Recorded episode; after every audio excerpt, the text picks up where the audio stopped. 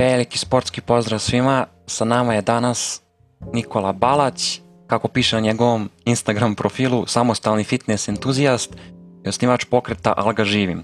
Nikola, dobrodošao pre svega i kaži nam nešto o sebi. Hvala na pozivu, pa da, ovaj, ja sam eto tako odlučio da sebi ne dajem nikakve etikete u životu, nego eto tako sam izmislio samo nešto čisto da, da stoji mada to naravno ništa ne znači, mislim šta znači samostalni fitness entuzijast, upravo je to poenta da nema smisao da se etikete ne bi davale, jer mogu ja biti, bio sam, da sam po struci geodeta, bavim se fitnessom, to jest držim treninge online i offline, bio sam jedno vreme i konobar, svašta sam radio i sad kako da sebe nazovem, mogu da se nazovem ličanin, mogu ovako, mogu onako, to ništa ne znači. Znači to su sve samo iskustva koja mi prolazimo u životu, a ljudi se često poistovete svoje celo biće sa nekim iskustvom koje rade, tako da to ništa ne znači. I zato ja ne volim ovaj, uopšte da se nekako deklarišem, jer sve je to promenljivo i samo zavisi kako čovjek shvata sebe u određenom momentu. Eto. Tako je. Slepo si to rekao, ja sam takođe neko ko ne voli te etikete i uh, čisto radi reda malo sam ovako najavio. Ono, A. Da. profesija to se obično radi, ali inače ovako stvarno super si to odgovorio, mnogo mi se sviđa. Uh, Pa kaži nam malo e, o tom pokretu Alga živim, malo o tim radionicama i malo detaljnije o tome. Pa dobro, e, to sam ja više, mislim slučajno sam to nešto, par puta to smo mi imali neku foru ranije u društvu Alga živiš kad neko ide na more ili izlazak ili na večeru, nije ni bitno.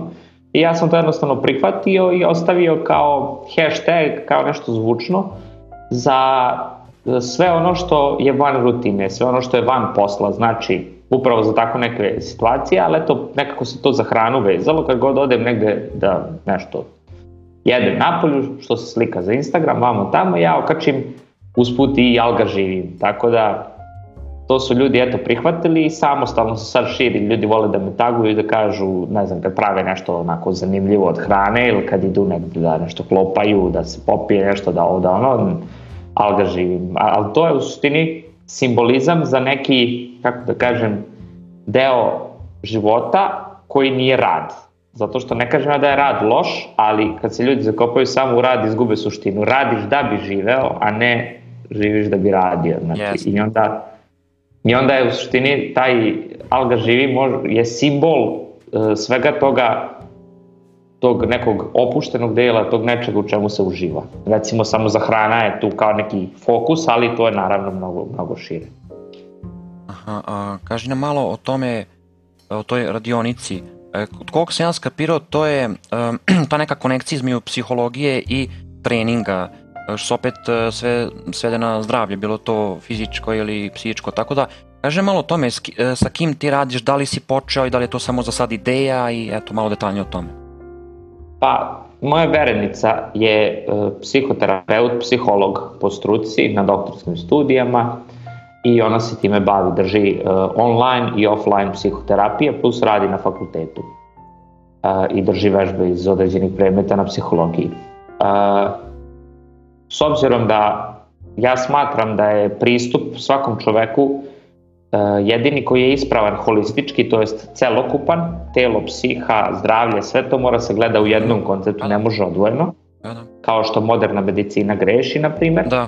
E, nas dvoje smo došli na ideju da napravimo e, neki zajednički projekat. E sad, prvo smo imali ideju da to krenemo online, međutim sad zimu smo odlučili jer onako impulsivno, samo jedan dan da kažemo hajde ponudimo radionicu, da vidimo da li se ljudi odazvati. Radionice karakteriše manji broj ljudi i našli smo neki prostor koji prima 15 osoba. Mi smo prvo napravili e, jedno lepo fotkanje da bi malo tog sadržaja napravili i predstavili smo to i prvi dan kad smo obelodanili, to je bilo šest nedelja pre planiranog datuma, imali smo skoro punu tu prvu radionicu Međutim, zbog ove cele situacije koja se dešava, mi smo to nažalost, nažalost morali odložiti jer je trebala biti 11. aprila, mislim, u sredini ovaj vanrednog stanja. Tako da, e, za sad je to odgođeno, ali e, mi je jako drago jer kad sam šest nedelja pre datuma predstavio koncept i priču, skoro je cela prva ta bila puna, tako da smo razmišljali da napravimo čak dve nedelje kasnije e, istu radionicu, da je ponovimo. E sad, Ta prva radionica je trebala da bude o regulaciji stresa. Ja bih ponudio neke alternative kad je trening u pitanju i ovako ishrana, jer mnogi ljudi recimo se prežderavaju iz stresa. Naprimer, taj deo bi se ja dešao. Da. Ali psihološka strana, cela priča iza toga, to bi radila Zorica, moja verenica. Uh mhm. -huh. Tako da, e, hteli smo da spojimo psiha i telo i da na različitim radionicama obrađujemo različite teme.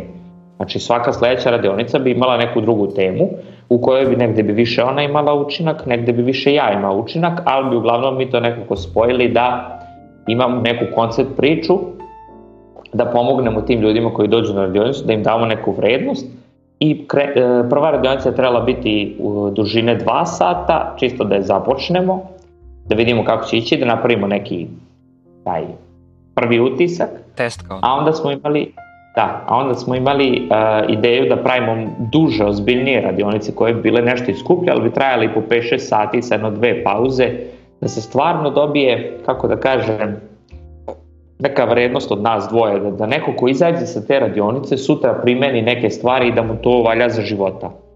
Da li da malo psiha ode u neku stranu ili da neki konkretni i telesnog karaktera, mislim od mene kao trenera da se dobije, nije ni bitno, suštinski zavisno, opet kažem, od teme, od čoveka, od e, našeg rada, svega pomalo, mislim da bi svako ko bi došao na naše donice da dobio neki, a, neku vrednost i to smo teli da započnemo, mislim, verovatno ćemo i nastaviti kad se ovo sve prođe, jer nema na Balkanu tog koncepta da, da ljudi priđu tako holistički sa obe strane eto, to je bila neka jako dobra zamisao i trebala ići dobro, a za sad ćemo vidjeti kako će ići, valjda ćemo nastaviti sa tim. Iskreno to zvuči fenomenalno, mnogo mi se sviđa to i ja se iskreno nadam da ćete nastaviti, ja verujem naravno u, u, taj, u vas i u taj vaš projekat, a naj, isto najbitnije da naravno vi sami u to verujete i da gurate napred i verujem da će to mnogo biti korisno mnogima. Ja odmah kad sam to čuo, baš, baš mi je onako ceo koncept zanimljivo zvučao i uvek sam, uvek sam za, znači, kad je u pitanju zdravlje i, i to, i pogotovo mentalno, ja kažem, to uvek bitnije ta psihološka strana.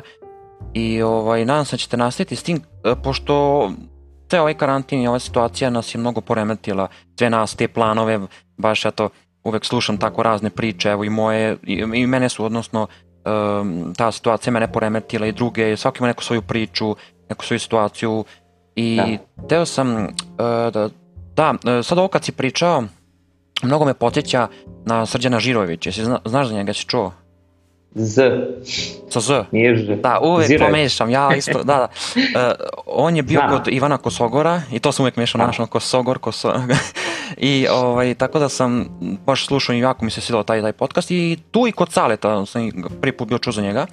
I Doduše, ja mislim da on na nekom većem nivou, pošto logično i duže radi sa profesionalcima, ali, ali isto sviđa mi se jako njegov pristup i morat ću njega nam da pozovem u podcast, jer, jer stvarno sjajan čovjek. Uh, nisam ga, ja sam ga tek e, tamo kod Ivana baš video i u stvari preko Saleta pa onda sam našao i te da. podcaste kod Ivana, nisam nešto puno ispratio, ali sam shvatio celu poentu, video sam da on ima taj privatni studio Body Range ako se dobro sećam, da, body da oni stvarno, stvarno pristupaju na jednom potpuno drugačijem nivou ovaj, i fitnessu i zdravlju i psihozdravlju i, i duh, duhovnom i šta ja znam, Kažem, nisam ispratio puno, samo sam e, okvire i koncept povato i smatram da, da je Srđan baš čovjek na jednom posebnom nivou i da svi možemo od njega neke stvari naučiti. Baš sam ga nedavno zapatio na Instagramu pa tako pratim neke postove. Mada generalno vidio sam i neke stvari koje jednostavno za prosječnog čovjeka nisu baš, kako da kažem, pristupačne. Možda će ovo sad grubo zvučati, ali bacaš e, bisere pred svinje.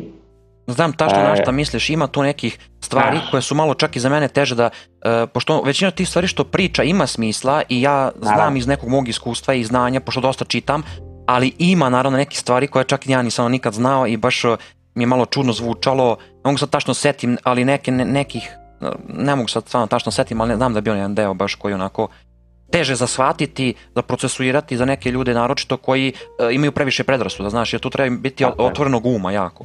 Ja se uvijek trudim da budem otvornog uma i ne sudim, ali, ali znam da će biti takvih i onda, znaš, mogu da vidim kako, će, kako bi oni reagovali na sve to i verujem da će biti osuđivani sve, ali nije to bitno. Najbitnije je kome će on sve pomoći i da ima dobru nameru.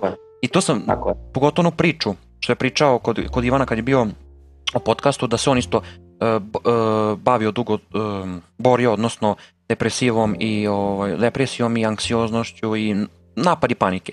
I to sam odmah, odmah ja se isto prisetio iz mog nekog isto perioda života, ja sam to sve imao i verujem, otprilike svaka druga treća osoba na, na ovoj planeti ima problema bilo sa depresijom ili sa napadom panike ili sa anksioznošću i e, moje neko mišljenje da ti ljudi e, koji prođu kroz, kroz taj period depresije i sve te boli patnje što donosi sa tim, da oni e, se lakše menjaju i da rade na sebi i da Absolutno. postaju bolji ljudi. I to se vidi po znači on je isto verujem, mislim, iako ga tada nisam poznavao, ali verujem da uradio sjajnu, ogromnu transformaciju i ono nevjerovatan čovek i obožavam te priče, te promene, transformacije, uh, jer sam i sam doživao. I onda i kad vidim i, i iz drugih priča, isto i kod Srđana i kod, i kod Saleta, recimo, znamo i da je on dosta napredov u svakom smislu, i oko snimanja, i fizičko i mentalno.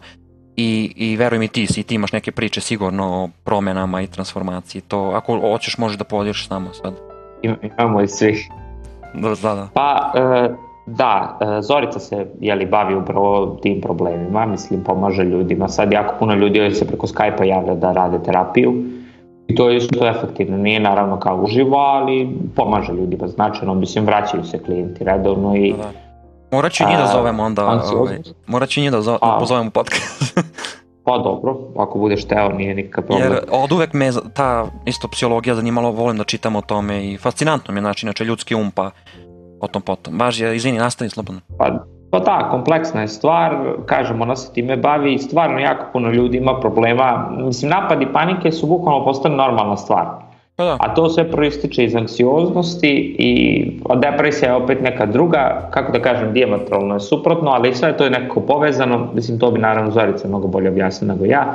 Ja sam se recimo dosta borio sa depresijom, naravno kako ti kažem, nisam ja sad bio zaključan u sobi i plako, ja sam ono i družio se, izlazio i trenirao i svašta nešto, ali mislim kad kažem nisam bio zaključan u sobi, nisam bio ono zaključan da, da Uh, ne mogu da izađem ili da me neki stragnu, nisam teo, na primjer. Ja sam jako volio da budem u svojoj sobi sve ostalo vreme kad nisam negde. Da.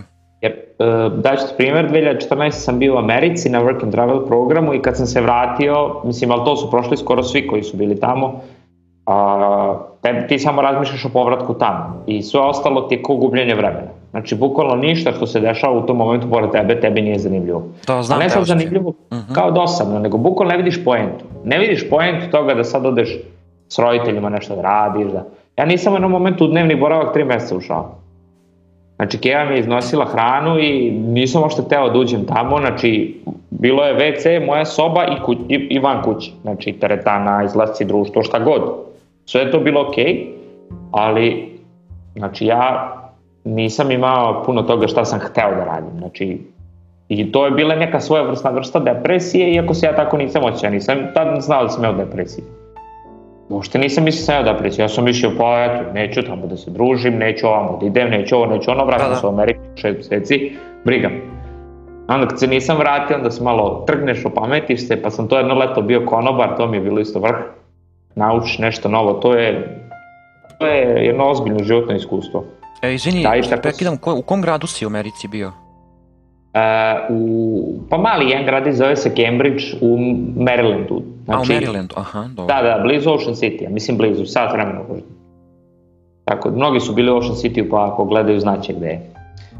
Uh, šta znam, mislim, ta, da nije bilo Amerike, ja danas ne bio ovde. Mislim, ta depresija je mene, mene učinila da ja počnem da razmišljam o nekim stvarima koje su meni dan danas e, me vode kroz život počevši od toga da taj faks koji sam studirao neću time da se bavim, da neću da radim za druge, da ne, ne vidim pojentu radnog vremena, da ne mislim da je život plata i tako neke stvari. To su sve da. koncepti koji su meni u tom dobu došli, sašili se u glavi i rekli ja znam koji je moj put.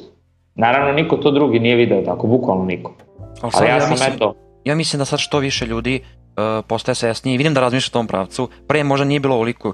Sad skoro, ne, da ne kažem sa svakim, ali sa dosta, njim, s kojim, e, sa dosta ljudi sa kojima pričam, isto to tvrde, da, da nije poenta ono raditi od, od 9 do 5 ili nebitno od 7 do 5, da u kancelariji sedeti, nije to smisla života, znaš, i, i to mno, baš pa da. mnogi počinju da razmišljaju na taj način. Pa da, ali ja kad sam 2014. pričao o tome, svi, svi me gledali ko ludaka. Verujem, Znaš ti kada je to bilo, velika verujem. razlika. verujem. Kao kako misliš ne žaliti? Pa neću da radim za druge. pa verovatno su ti govorili, ja sam tako razmišljao, onda su ti verovatno govorili tada lane si, kao nemoj da filozofiraš, nemoj da na, previše tupiš. I dan danas to. mi govori, ja pre neki dan 13 sati utrošio da bi izbacio sam mogući sadržaj koji sam smislio taj dan i da uradim dva treninga, a ljudi kažu pa šta si ti radio cijel dan? Pa aj ti to radi cijel dan. Mm, I to bi trebalo raditi svaki dan. Da, ali je li to na Instagram si mislio ili za YouTube? Pa izbacivao sam taj dan klip, pa sam radio dva treninga, pa sam za Instagram izbacivao rent na story, to, to mi treba dva sata da napišem, i post, i još sam neke stvari radio, plus ja imam politiku da recimo svima odgovaram na sve poruke, to, to traži vreme, plus gde su klijenti. Znači to je sve bez mog posla. E, da, da, e, ja sad isto kada, kada treniram, kada ovaj, kada radim taj posao, pored toga taj podcast i onda baš vidim kako mi proleti vreme i mnogo zahteva to vremena za ovaj podcast, znaš, snimaš, edituješ, to isto, uh, zavisi koliko imam posla u tom editingu i to, pa dok on to, program renderuje, onda imaš malo slobodno vremena za nešto drugo da odradiš, recimo trening obiš za tih pola sat, sat vremena, pa onda posla uploaduješ na YouTube, naravno pre toga spremaš pitanja, spremaš teme, sve to zahteva vreme, znaš, nije to lako. Da, A, ljudi ono kao... To to posao. Da, da, pa Uh, nego sviđa sam ono kao što si rekao rent, znaš, ono što ti, uh, tako si za mene govorili kao, pošto obično sam bio neko ko je pis, uh, ko jako voli da piše puno, i onda to ljudi nekad, e, e, bez obzira što to što nije bilo negativno, ništa loše, to je bilo pozitivno i neke korisne super stvari, ali neki ljudi nemaju živac, znaš, ono da čitaju, lakše im je da imaju sliku to sam skonto pa sam malo počeli to da primenjujem, malo obacim sliku i na slici tekst ili ne znam ispod slike tekst ili nešto. Jer ako je samo tekst, ono, pa ni mrak noći, naš neće da čitaju,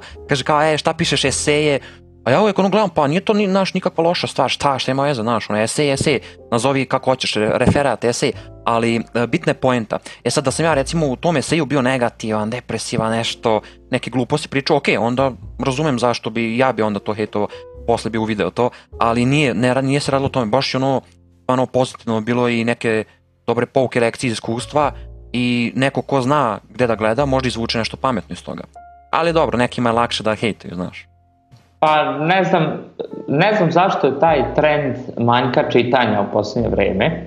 Uh, nije to, kako da kažem, gradivo za fakultet. Znači, čitanje na Instagramu je potpuno drugačije karaktera, na primjer, još ako znaš speed reading kao ja, ja tekst onaj sa punim brojem karaktera mogu da pročitam bukvalno za 5 sekundi. E, sve što lajkujem skoro i pročitam. 99%. E sad, i sam piše maksimalan broj karaktera po postojima, mnogi čitaju, mnogi ne, ali to, ja nikad nisam radio nešto zato što do, drugi traže, jednostavno uvek znam svoj put. Mene suštinski ne zanima šta, šta se od mene hoće. Ko će da čita, čitaće, ko neće, ne mora, doviđenja. Tako. Ja uopšte ne pokušavam da se dodvorim bilo kome, to, to nije moj stil. Znači, jer, jer na primjer, trenutno na Instagramu pratim dosta tih marketing stranica koje ti govore šta trebaš da uradiš da bi povećao reach, da bi... I oni svi govore iste stvari. I sad zamisli da mi svi radimo iste stvari. Pa zašto onda radimo? Jer smo roboti. Te je personality. Gde je autentičnost? Nestaje Meni jedan kolega objašnjava, pravi one slider postove, oni su sad popularni jer ljudi samo ovako i završeno. Plus ih da, da. svi sevuju za kasnije, znaš, i to diže veliki rič postu. Da. Ja sam rekao, ni mrtav, nema šanse. Znači, makar mi sutra sa Instagram ugasio, ja ga neću napraviti. Ja da pravim te stvari, zašto, za koga? Ja lepo pišem tekst, pišem storije, ko voli nek izvoli. Možda ću malo praviti video sadržaj više za Instagram u smislu nekih e, needitovanih klipova, znači da sednem da ispričam temu za ispod 10 minuta. To sam mislio da radim za YouTube, ali mislim da ću to prebaciti na Instagram, a za YouTube ću raditi vlogove. Poprilično sigurno da će tako biti na kraju, ne znam. Mislim, mo, možda bude jedno i drugo. Ali hoću da kažem da video ok, tekst ok, ja da se igram grafičkog dizajna, pa nisam ja zato tu došao. Ja sam došao da prenesem nešto široj publici na moj način. Malo se sprdam na storiju, na e, postojima dajem neku edukaciju, na rentovima dajem neke moje izlaganja i misli. Znači na svakom delu dajem drugačiji sadržaj. Da. Čak i ne volim reciklažu sadržaja koji isto govore ljudi, a ovde uradiš u tekstu, ovde u videu, ovde na ovaj način, ne. Znači, zašto? Zašto da recikliram sadržaj? Za koga? Znači, pravim 4-5 različitih sadržaja na dve mreže, pa ko šta uvati, uvati. To je Jednostavno smatram da nije poenta sad po svaku cenu izgubiti sebe samo da bi napredovala ta mreža. Da ok, veći rič, veći post, e, veće pare, sve to stoji, znači nije sporno. Ali postoji različiti način da se naprave novci, slava, šta sve ne, a da pritom ne izgubiš sebe. Samo što mnogi neće to da traže. Nađu ovaj put koji svima Lakši. pali i svi njima idu. Taj put kojim se češće ide, a neko im sređe ide, naravno i onda izaberu taj. A naravno što me upalo e, oko, recimo i to me ne, u nekom isto periodu počeo nervirati, jer nije to ništa novo, to već dosta godina se praktikuje, ono oko brendova, znaš, no, mora da se istakne, da. recimo, ok, um, nisam neko ko je protiv, recimo, ako hoće neko, znaš, polugodo se slika, bilo koji pol, nebitno da ne, diskriminiš, da ne diskriminišemo, uh, može da se slika, i ja neću osuđivati prvi, ako neko pogotovo ima super telo šta i treba da, da da. da, da, da naš, logično da je mnogo toga žrtvovao i trudio se i onda ima pravo svako da se pohvali. Međutim, ne radi se tome, nego radi e, što mora uvek da se istaknu ti brendovi. To, to mi sećam se dosta pre, dosta godina zapalo za oko naš Louis Vuitton, mora se vidi Gucci, mora ovo, ono, naš, da. onda, E, a onda, znaš, ali nema to je naravno sa ljubomorom, znaš, zavidom i slično to, nego jednostavno, e, malo mi je, da ne kažem, da ne osuđam te ljude, ali s druge strane, malo mi je žao ako neko previše e, misli da je u materializmu sreća. I onda, i onda kad vidim te kupuje sve te stvari, a opet, i onda sam postao pitanje čemu te stvari, znaš.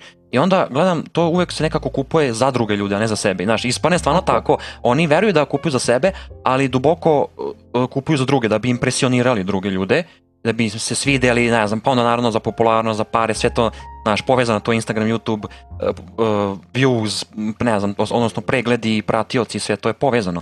I kapiram ja to, ali što što kažeš gube autentičnost i, i znaš da ima analogija šta nas Tetris uči, znaš, e, kako mi se svi slažemo, onda nestajemo, znaš.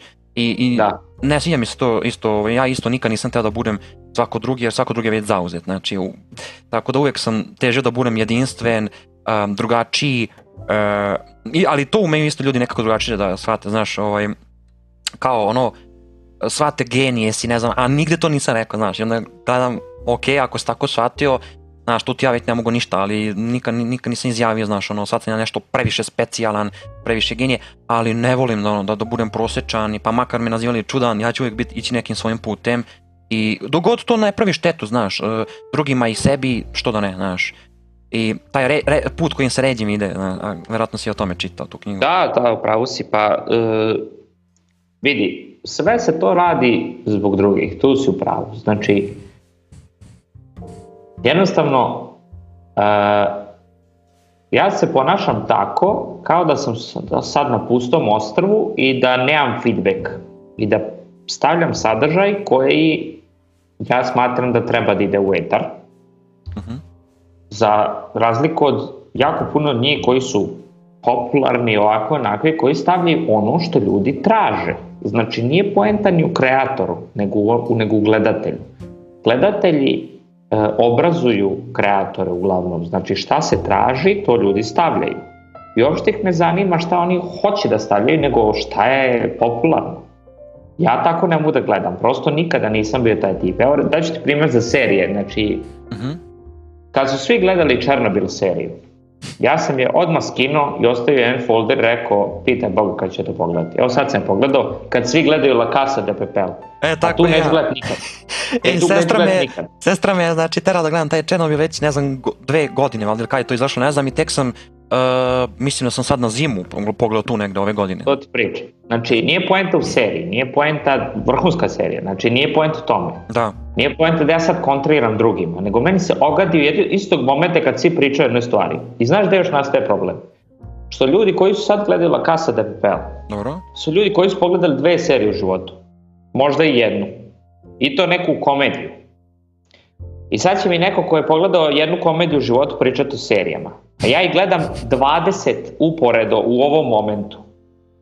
Znači... I prosto ne mogu, ne mogu znači da se povežem, imam neki uh, odbojnost prema tome, kad vidim da sto ljudi nešto radi, odmah na drugu stranu. Ali ne da ja njima kontriram, nego ja ne mogu da idem tamo, imam neki ko zida mi se. Da, da, pa jasno, jasno, jasno. Prosto ne mogu. Nije sporno, ako se meni nešto sviđa, što svi drugi rade, ok. Ali tako trčati za nečim što se samo pojavilo, ono kad su bili oni Pokemon, majko sve tako, super, samo nemojte mene zvati. Znači sve super, ja, ja ću gledati, sve vrh, ali nemojte mene zvati, molim. Eto, to je to. Sviđa mi se. Ne, ne mogu, prosto ne mogu. Znači, i kažem, vrlo bitna razlika među kontraša, neko ko će samo kontra terati svačemu i svakome, i onoga da. ko, ko, kao ja, bukvalno, ne mogu da radim ono što svi rade tog momenta, možda ću to raditi kasnije, pre imam svoj tempo, imam svoj režim, imam ono što ja hoću da gledam, što ja hoću da postavim. Bukvalno me ne zanima šta se hoće od mene, šta se traži, neću da slušam. Ako se to poklapa sa mojim viđenjem, što se traži od mene što svi rade, super, ali uglavnom se ne poklapa. I neću promeniti svoje zarad drugih, nikada. Prosto ne radim to. Ali kažem, ja ne mogu da krivim kreatora kad on mi postavi neki da li post, da li story, da li neko mišljenje i onda mu se javi 20 klijenata, a ne znam, meni ili bilo kome drugom se javi dva klijenta, zato što teram svoju priču. Ja te ljude razumem, znači oni jednostavno vide da je to ispravan put, zato što donosi pare, slavu, ovo, ono, i oni time idu i ne zanima ih šta oni hoće, nego samo šta će dobiti sa time. A to je velika razlika. Znaš. Ne osuđujem ja njih, meni, meni briga, da, da, šta god da I nisi kontraš, Samo mene zvati, ali verujem, govori šta da, da, da, nisi kontraš, ali verujem da su to mnogi baš tako protumačili, znaš. Da to već mogu Nije da, da zamislim, već, pošto znam odlika kako prosječan čovjek razmišlja. I, ovaj, šta sam teo još da se, kad si pomenuo, da, to za, recimo, vidiš, za, to si me dobro podsjetio i naveo na razmišljanje, E, oko mog podcasta isto. E, nisam neko ko sad hoće da zadovolji baš, naš, sve ljude, svu publiku, e, znaš, 100 ljudi, 100 ljudi, nemoguće sve zadovoljiti, a, ali, pardon, ali nisam neko ko takođe ide u ekstrem, pa, e, znaš, onda kaže, evo, znaš, uopšte neću da gledam, nego malo treba nekad, e, ali ne u smislu kao zadovoljati, nego, nego e, slati dobru poruku, znaš, ako je nešto, ako ja istinski verujem, recimo, rekao sam i kad sam pričao sa Saletom i sa Srkijem, da kroz ove podcaste želim da prenesem neku lepu poruku i da širim naš prave vrednosti, a toga nikad dosta, jer, jer verujem da je svima nama već muka ovih reality i svi ti gluposti, negativni stvari, ne znam, crne hronike, nebitno, i onda uh, ovoga nikad dosta, tako da i plus ne škodi ni, ni, ničemu i nikome i hoću da širim recimo malo svest i, i o tome o, o mentalnom zdravlju, o empatiji, o, o perspektivi, percepciji, interpretaciji, po meni su to najbitnija reči i to, i to ću uvek da ponavljam, pa makar ono, smorio ubio pojam da ima da, da kroz podcast pričam o tome, jer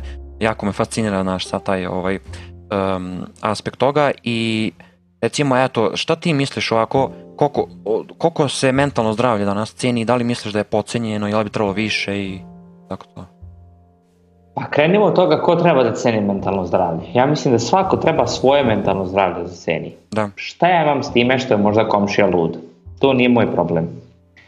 A, ja neću njemu soliti ranu, znači meni, ja ću biti kulturan, normalan, javiti se, pružiti ruku. Ako mu treba neka pomoć, pomoću mu, znači nije to sporno.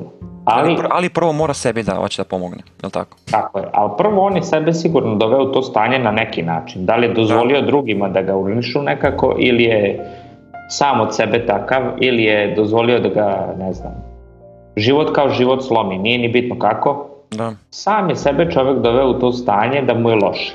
Ja e sad naravno imamo probleme s mentalnim zdravljem i prirode koji nemaju veze sa socijalnim, nego jednostavno neko se rodi s nekim problemom ali to je već drugi padež, o tom ovde ne pričamo, tako. Mentalno zdravlje koje mi danas ovde napominjamo je socijalnog karaktera, to jest kako se ti odnosiš prema životu i kako to utiče na tebe. Jer imate ljude koji su stalno nasmejani pa onda završu u crnoj kronici. Šta da. se u stvari dešava? To je taj lažni pozitivizam koji se ovaj forsira na mrežama u poslednje vreme. To je izrazito loša stvar. Sve ću te objasniti zašto. Ako si tužan ili besan, ne treba da nabaciš osmeh nego treba da se sa tom emocijom koja ti je tad došla izboriš na pravi Naravno. način, da kažeš sebi ok, tužan mhm. sam zbog toga, to se rešava ovako, neko voli samoću, neko voli društvo, neko voli srednji neki sistem, neko voli da zakopa u obaveze. Recimo, da. ja kad sam besan, bolje da mi niko ne prilazi. Tako Jer je. ne možeš mi pomoći, ne možeš me Naravno. raspoložiti. Pusti me samo u ćošak i ništa. Naprimer, e, rentovanje na storiju mi je pomoglo da sav svoj bes E, neću reći izbacim, jer nisam ja tamo besnio, ja sam jednostavno svoju frustraciju podelio sa drugima, ja nisam nikog tamo nešto pretarano. Da, da, malo drugačije kanale, kanališeš to malo drugačije, da. Da, Zori se kaže, radio sam sebi terapiju, rekao, pa jesam, da. Znači, ali veruj mi, mnogi su e, podržali tu moju terapiju zato što se isto osjećaju. I što bi ja se trebao reći, je brutalan mi je dan, znaš kako se super osjećam, imam više vremena za sebe, kad sam besan ko pas ujedam. I ja podržavam to isto. Pokažem, besan sam A, ko da. pas ujedam, zbog toga, toga, toga i toga. Ako sam ja srećan, pa ja ću prvi širiti pozitivu i sreću i nasmejanost i nije nikak problem, ali... A. Da. O, e, ali znam za ljude, posebno, posebno devojke na Instagramu, jako su zaglebile s tim sistemom, to im se naravno svima obio glavu kad tad. Da. Znaš kao, brutalni smo, moramo biti disciplinovani, taj, taj ishrana, pa dva treninga, pa ovo, pa ono. Tri mjeseca kasnije ona devojka na lekovima ima tri mentalna poremećaja i poremećaj s ishranom. Pa išla si protiv sebe 3-4 mjeseca zato što si videla ideale u drugima i htjela si da radiš po istom modelu. Ako nisi mogla, nisi trebala ići tim putem. Džabe da, da. što ti vidiš da ona tamo, da ona tamo, ne znam, Mara ima to i to kad ti ne možeš tako ko Mara, možda i Mara laže, samo ti ne znaš. Na mrežama se e, plasira sadržaj, to ne znaš da to je istina. Znam x, x ljudi koje, ono, e, sretnem neku osobu, pričam i kako je nervozna ili tužna i dve sekunde kasnije ovaka slika na Instagramu, cveće i proleće, sve rozo, jao divni ljudi, šta divni ljudi, pre dve sekunde si bila ljuta i nervozna A. i tužna ovako i onako i sad neka, pričaš tu nešto divni ljudi. Ili neka slika sa mora koja je ko zna od kad preko godina kao da je sad bila naša. kao... A, da, suštinski nije bitno. Hoću da kažem, ljudi lažu. Lažu prvenstveno sebe, pa onda i druge i onda da. se to ovaj, e, zakolica. Tako što kad ti vidiš danas sto nasmenih osoba i ti ćeš teti da budeš nasmejan. A šta ako nećeš da budeš nasmejan? Šta ako ti se svašta loše desi? Ljudi se plaše da će biti osuđivani. Znaš, to. E. Tako je. E. Tako je. Ja sam jedan od jako redkih ljudi koji stalno govore istinu na Instagramu, ali da još jednu stvar dogovorimo, pa ne slikam ja sve, nisam ja 24 sata reality. Da. Ljudi o meni imaju pogrešne slike, ja to ne, neću da plasiram, nego svako ima svoju percepciju. Znači ja plasiram plus percepcija, to su već dva faktora.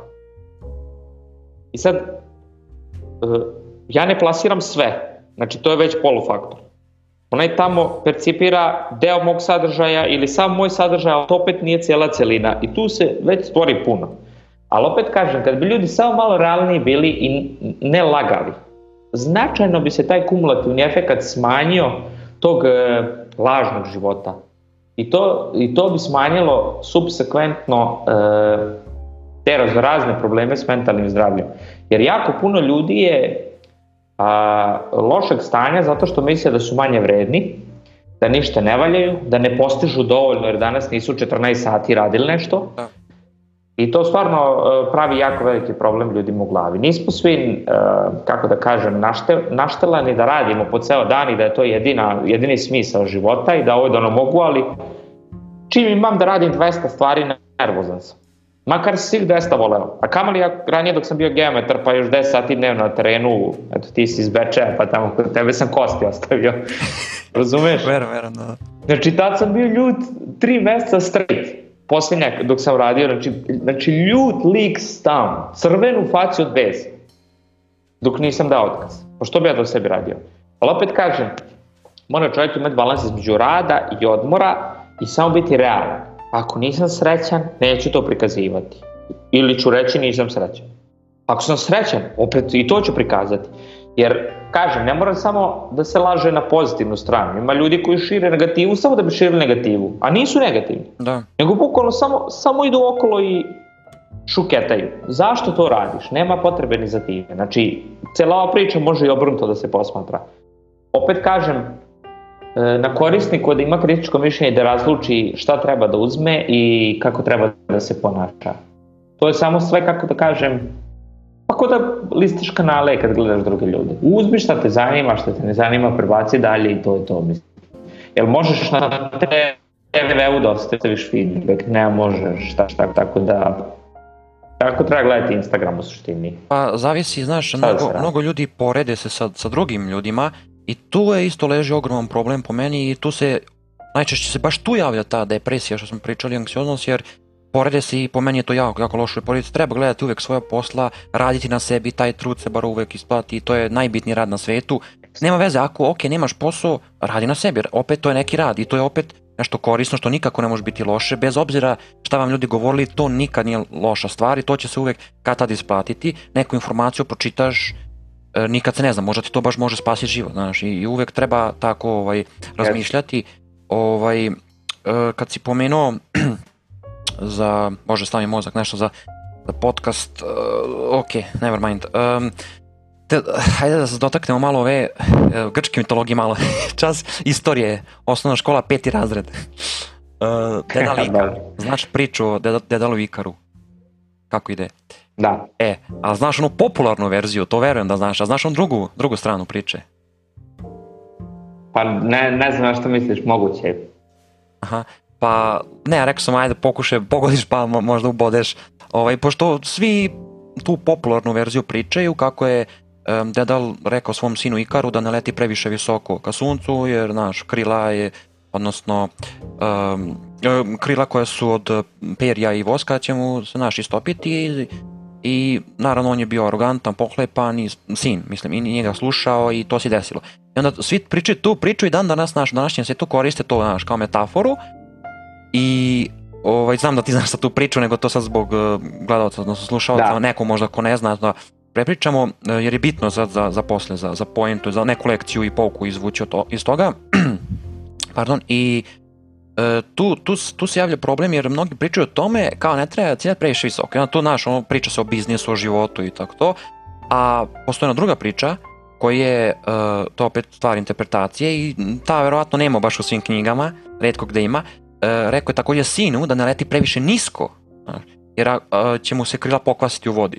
Tako da po meni je to još gore nego da ciljaš visoko, znači nisko i, znaš, onda si mediokritet, to što smo pričali, to je baš opet se vraćamo na tu priču, e, svi smo onda isti i, e, znaš, ono pa si sav pun sumnje, straha, misliš loše o sebi, e, koristiš neke negativne reči sebi, vređaš sebe i tako. I e, treba ciljati, eto, po meni zato kažem uvek ta zlatna sredina, znači ne previsoko, ne prenisko, znaš, ali treba malo višlja, ne, zašto se zadovoljiti nečim, ne razumeš, ono, minimalnim nešto što Znaš, ali to je opet onda ono poenta života, šta je za nekoga svrha postojanja, ono da više u tu temu bi eto zašli, ako bi krenuli tim putem. Pa jeste, e, vidi, e, zavisi kako čovjek posmatra život, u suštini od percepcije je jako bitno. Znači, zato što svaka situacija može da se gleda iz više uglova, bukvalno svaka, i onda stvarno sam bio da koji će sve izvrnuti na negativno, znači nema trika šta god da mu uradiš. Da, znam znači, tako, a, znam tako. de, posebno stari iz komunizma, oni su svi, svi naštelani na jednu priču. Tako je, znam. Sve će, da. biti, sve će biti problem, sve će sve biti jasno. Da, da. Dobro, ne možeš ih ni kriviti što su prošli, ali da, jednostavno da, zato ja biram da s njima ne raspravljam puno. Znači, kako je, dobro je, ili ide, ide, završeno. Da. A, hoću da ti kažem da Mene je jednom jedan bivši drugar prozvao da sam nerealan lik i da uvek nešto izmišljam i da... To je bilo upravo tamo davno. Znači, ja da sam bio realan, moja realnost bi bila već sad sto puta niža od ove sadašnje. Verujem. Po svakom pitanju. Počeš od finansijskog, životnog, e, mog raspoloženja, sreće, zdravlja, izgleda, verovatno ne bi ni trenirao. Moja realnost je bila mnogo niža, mnogo drugačija, mnogo manje Eh, bitna, ne bi dopao do nekih ljudi, ne bi... Ja baš ne volim tu priču realan, ali ne u tom smislu da se ja sad ne znam, vidim na ulici žuta kola, ja kažem ide konvoj kola, znači nisam lud, razumiješ. Da. Ali hoću da kažem, a, realnost za budućnost je jedna od najgorih stvari, jer uvek ćeš onda manje postići. Za budućnost uvek moraš biti i realan, moraš uvek gledati šire i reći pa dobro šta sad, možda ću to tako uraditi, možda ću ono onako, nikad ne znaš šta će biti. Da, da. A realnost za prošlost i za neko sadašnje vreme, za neku, da kažem, da skoriju budućnost, za ono što se desi sutra, mora biti ipak na visokom nivou, da se kaže ok, sutra mogu to, prošle godine sam to pogrešio ili sam to dobro uradio, Znači tu moraš biti veoma realan, ali za dalju budućnost, za nešto što treba poći za godinu, dve, tri, pet, sagledati nešto, tu moraš biti e, imaginativan. Znači moraš da, da, da vidiš šire i dalje od onog što, što sad izgleda kao da će biti. Da, moraš maštu koristiti. Mislim da je, tako E, da li Einstein baš rekao da je mašta mnogo bitnija od inteligencije, od istine ili tako nešto bio rekao. Tako da, e, to mi se sjeda baš to kako razmišljaš, jer i ja isto tako razmišljam i e, zapitan se, znači recimo, znaš šta, kad mi, pošto ima neke ljude koji u životu mi kažu, e, ne znam, znaš, isto, isto tako kao što su i tebi, znaš, da sam nerealin to da kažem, a šta je realno? Znači, to, tvoja realnost nije isto što je moja. I sad, ima neki koji su previše realni i ja to uvek kažem, to ume biti loša stvar, ne razume i to svako na isti način, ali dobro, nebitno.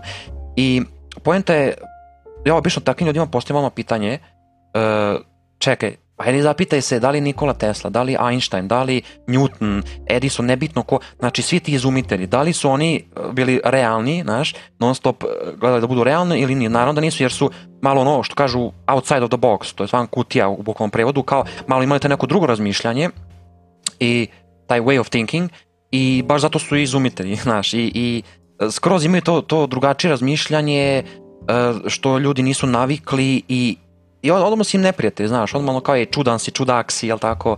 I nezahvalan je takav život, naravno, izumite, zato i nije svako izumitelj. To je mnogo teško. Pa ne, taj život je poseban život i ti ljudi se odreknu mnogo čega da bi do, ovaj, uspeli da urade to što urade. Jer, jer odmah ću ti ja reći, čim sam sam, kad nema nikog pored mene, ja sam mnogo produktivniji. Iz te iste produktive može nas svašta.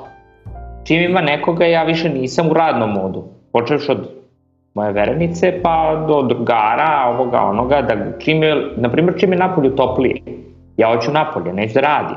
Da, tako i ja. Tako da, e, recimo, mene da zatvoriš jedno, dve, tri godine na pusto ostrovo, verovatno bi napravio space shuttle. I to od kokosa i od drveta, razumete?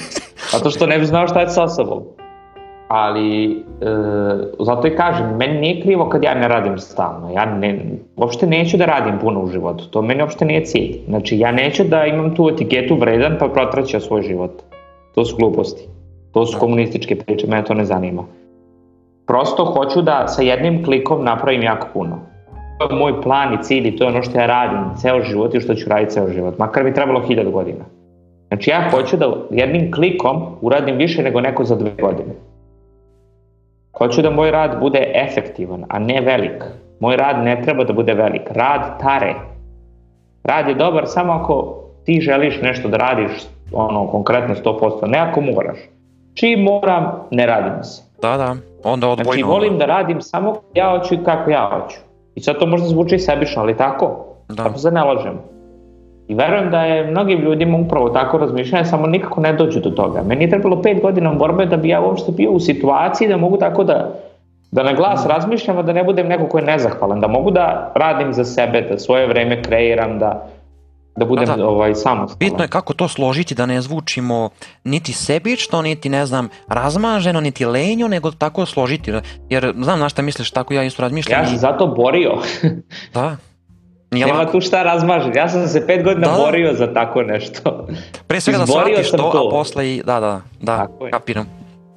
Razumeš, znači ne, nije to meni niko dao, ja sam to uzo da tako mogu da, da živim. Da ne radim praktično ništa, a da se stalno nešto dešava. Ja neću da pravljenje videa bude rad, ja hoću da to bude moja dnevna aktivnost. I da ja to ne moram svaki dan raditi. A ako hoću danas tri klipa da snimim, snimit ću tri. To je poenta, znači da.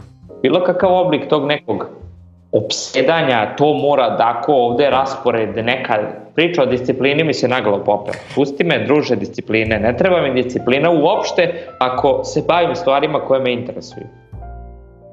Ja danas ako, mogu da pisaš šest što... postova na Instagram. Ako voliš ono što radiš, jel tako, onda, onda da, to, to ćeš je, raditi i znači, to ćeš se truditi. Ne, neću raspored, neću... Da, to je to.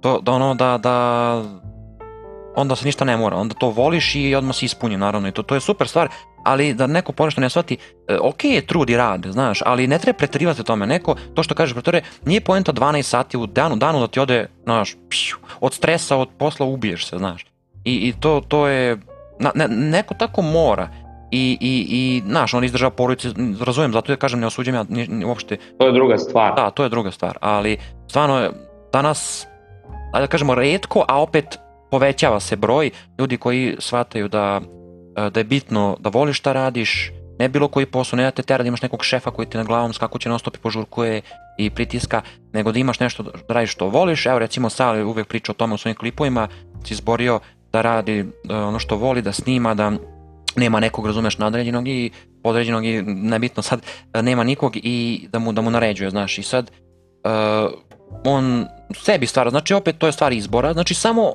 do njega je koliko će da radi, kada će da radi, koliko će da se trudi i bitno da ima da plati troškove, jel, sve, račune i sve i ima posebno da za sebe recimo da napravi e, sad nebitno bilo ko kažem, generalno pričam, e, da ima i da recimo da putuje i, i to je to, znači ja, ja isto nisam nikad želeo biti milioner, sad, jer baš zato što nisam nebitno mi je taj da materialistički svet, onaj shopping, naš, ono nakiti, kupi, naš, satovi i ovaj, kola i to me nikad nije zanimalo.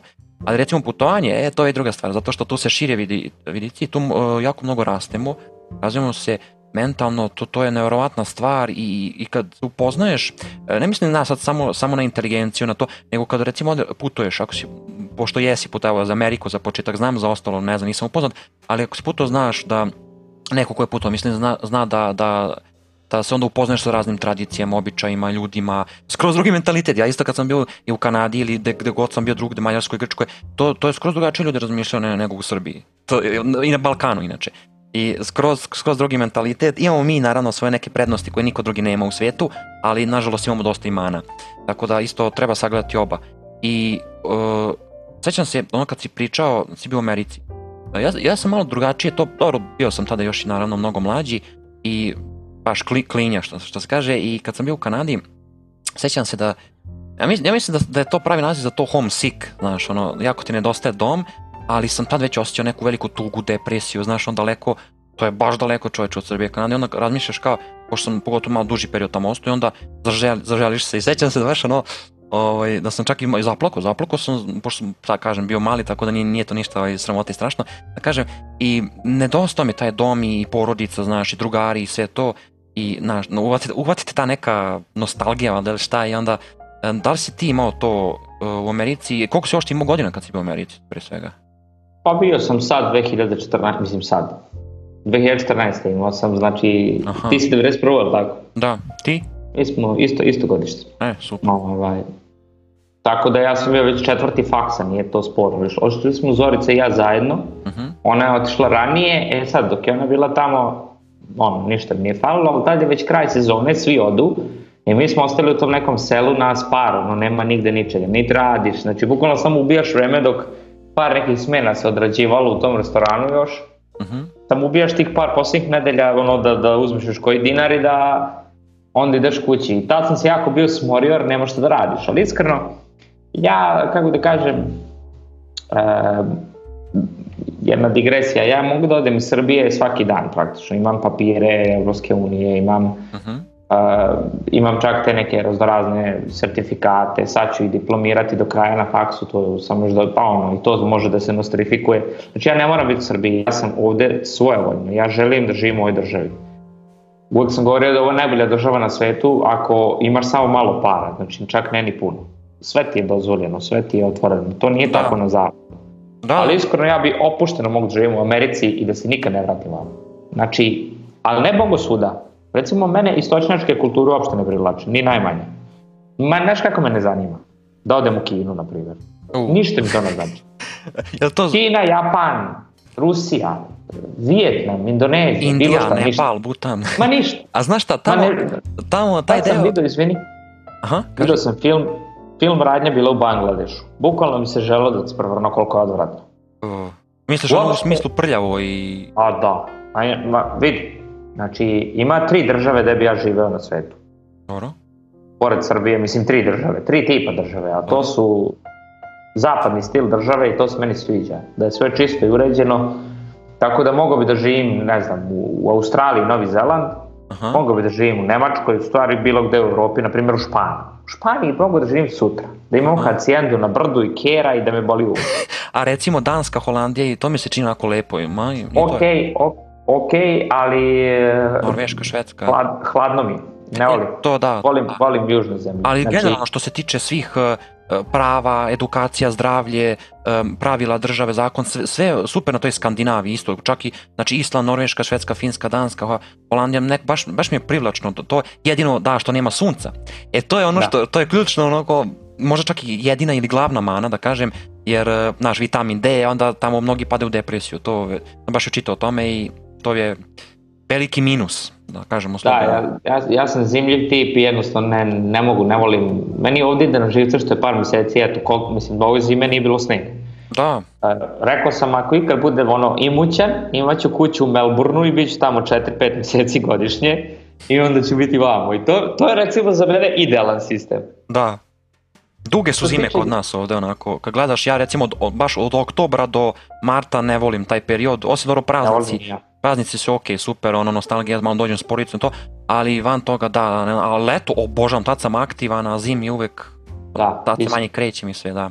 Isto, ne volim, da, ne volim čizme, ne volim jaknu, ne volim sneg, ne volim ledeno, ne da, volim ništa. To, deća, ovo. Dobro, sneg još i volim, on to i to malo taj uh, to dete u meni voli ovaj sneg i da od malena sam uvek uvek gledao to sneško grudlje ovo ono, ali da on oblačite sto, naš, odeća slojeva, ne, no, to, smori se čovjek, da.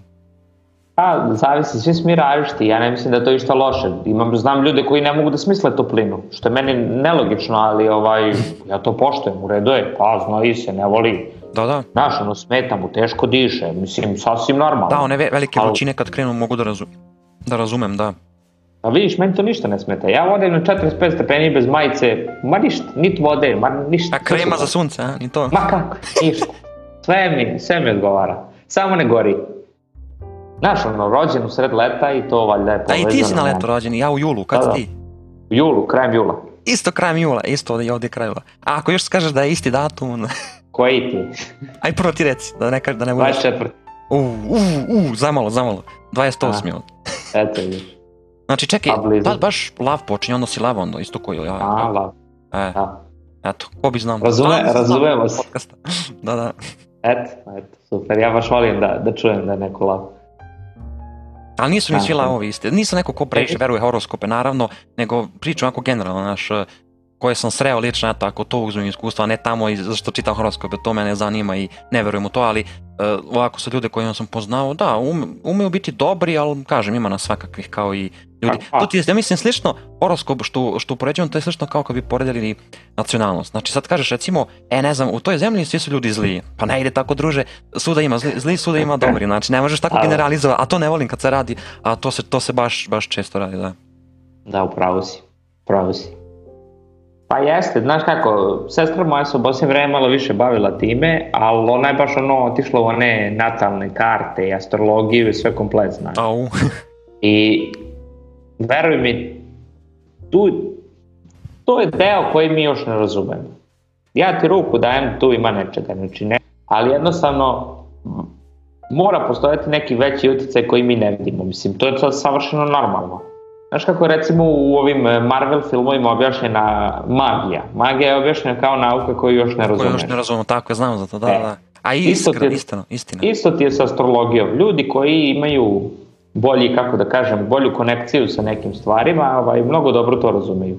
Možda ima I to nečega, da, da, možda, možda. Ali, ima naš, sigurno. Nije dokazano i ja sad recimo nisam uveren, ali kažem uvek volim da budem otvorena guma i istražujem i možda jednog dana bude, ne kažem, niti ja naravno osuđujem ljude koji to, e, koji to veruju, ja recimo eto, meni da, lično nisam nikad verovao, sada da kažem da sam neki veliki ljubitelj i vjernik toga, ali eto, ovaj, pa kažem, otvornog ja, sam uma, to je poenta moja sestra se time bavi, pa ona to, kažem ti, naj, Uh, taj horoskopski znak, to je ono basic level i to naj najgrđi, razumiješ. Tu tek kreću priče. A to meni sve tako liči na, na gađanje, znači to bi ja mogo da radim, kao šarlatan, znaš, uđem, danas će vam se ovo, ovo desiti, ne znam, vi ste ovakav oko, a tek kad poštu da, da naš, recimo, retrogradni Merkur, kad poštu i to, druže, da. Uh, ne, znam, ne znam šta bih rekao na to, znači nekako da, da, odbojno upravo. mi je to lično, ali eto, možda... Znam, ga... pa nije, nije, nije, nije, ne mogu reći da verujem nikako, mislim, bukvalno me ne zanima, ali samo kažem, ima tu nešto što mi ne vidimo, to je sve što hoću da prenesem. Tako da, ko zna... Ti se slažem, to je, to, zato trebao je biti odrnog uma i to je ono, yes. to sam baš sa Srkijem spomenuo, to je taj, ako si, si otkledao do kraja taj uh, podcast sa Srkijem? E, u drugom delu sam, nisam stigao još do kraja. E, sad ne mogu setim, gde sam, da li sam u prvom ili drugom delu, kad smo pomenuli Shakespearea, to mi reci, si to čuo? Nisam. U, set, to je baš najbitniji deo. E, e baš sam mu bio rekao e, da mi to omljeni citat. I to, eto, baš, baš se može primeniti ovde u ovom razgovoru, o, u baš ovoj temi što si pomenuo. Kad kaže, uh, there are more things on heaven and earth, Horatio, than are dreamt of in your philosophy. E, to je iz Hamleta inače. I to je, da to, to je time to da kaže da je ljudsko znanje ograničeno. I to je baš, vidiš, e, obično taj citat koristim kad ljudi recimo kažu da je ubeđeni da, da, da, da nešto ne zna ne postoji, a nema još dokaza, recimo jer nauka neke stvari nije, nije dokazala i sad pitaš ga, ok, a što si toliko ubeđeni, jel imaš neke insane informacije, jel iz prve ruke, znaš, jel, jel znaš nešto, ja ne znam, kao pa ne znam, ali eto ja sam ubeđen, znaš, a, a, a to je samo mišljenje, a to ne treba mešati sa činjenicom, znaš, a to se često čak meša, neki ljudi baš umeju to da pomešaju. Pa jako puno ljudi će uzeti da se igra gluvi telefona i to uzeti kao evanđelje. Da. To je jako veliki problem. Sad Pera je rekao, o, pa je ovaj pogrešno čuo, pa je preno trećem, naš. Ne može to tako, mislim, kod nas uh, su raznorazne stvari i nastale i zadržale se upravo po tom principu. Počeš od raznoraznih mitova sa ishranom, pa nadalje. Da. I, i, ali sad ću ti još nešto reći. Uh, jako veliki problem nauke je što je ona spora i takva i mora da bude da bi, da bi bila detaljna. Da. I onda Pera Builder koji malo više eksperimentiše je 20 godina ispred nauke. A onda imaš ograničene ljude koji hoće samo dokaze, ništa više. A to je veliki problem. Ti dok dobiješ dokaze proći 25 godina. Da. Ja dotad mogu već 100 ljudi da dovedem u formu na osnovu onoga što ti još nisi dokazao. Tako da čovjek stvarno mora biti otvornog uma, a da. ne sve biti ali mora biti i kritičkog. Znači, otvoren prima ovoliko, kritički uzima ovo. Ili ovo, biraš. Problem kod ljudi je što ili su otvoreno guma pa sve uzimaju kao zdravo. Ili su previše kritični. Ili su ovako i pored nema ništa. Da, to je taj. Znači, ta dva moraju koegzistirati. Otvoren je sve, kritički je delimično, pa uzmi, a nije kritički samo ovako. Znači, ta dva moraju da koegzistiraju da bi imali dobro razmišljanje. A većina ljudi ili veruje slepo, ili samo veruje ono što zna. Pa to su, ti, to su ta dva ekstrema, vidiš. To su te dve krajnosti I... koje ljudi idu. Ali to je, ali to je 98 od 100. 98 od 100. Ja, ja zato što pišem na Instagramu nekad, meni neko kaže, ti si rekao to i to. Ja kao, kad sam to rekao? A stvori se, a šta se stvari desi? Drugar pročito nešto moje, loše percipirao, pre na ovom trećem i onda ovaj to priča kao da sam ja rekao. Da. Nisam ja to rekao, ja se vrlo precizno izražavam, ja to nisam rekao. Da, da. A dovoljno je jedna reč da se promeni da bude drugo značenje. Da, da, vidiš, to sam u podcastu rekao da ću često pričati o, o toj interpretaciji, to sad smo se baš, interpretaciji, percepciji, baš smo se sad e, toga zatakli i to je nevjerovatno meni kako uh, kažem, uvek ja kažem da u životu je jako to bitno. I to baš želim kroz ove podcaste isto da, da prikažem.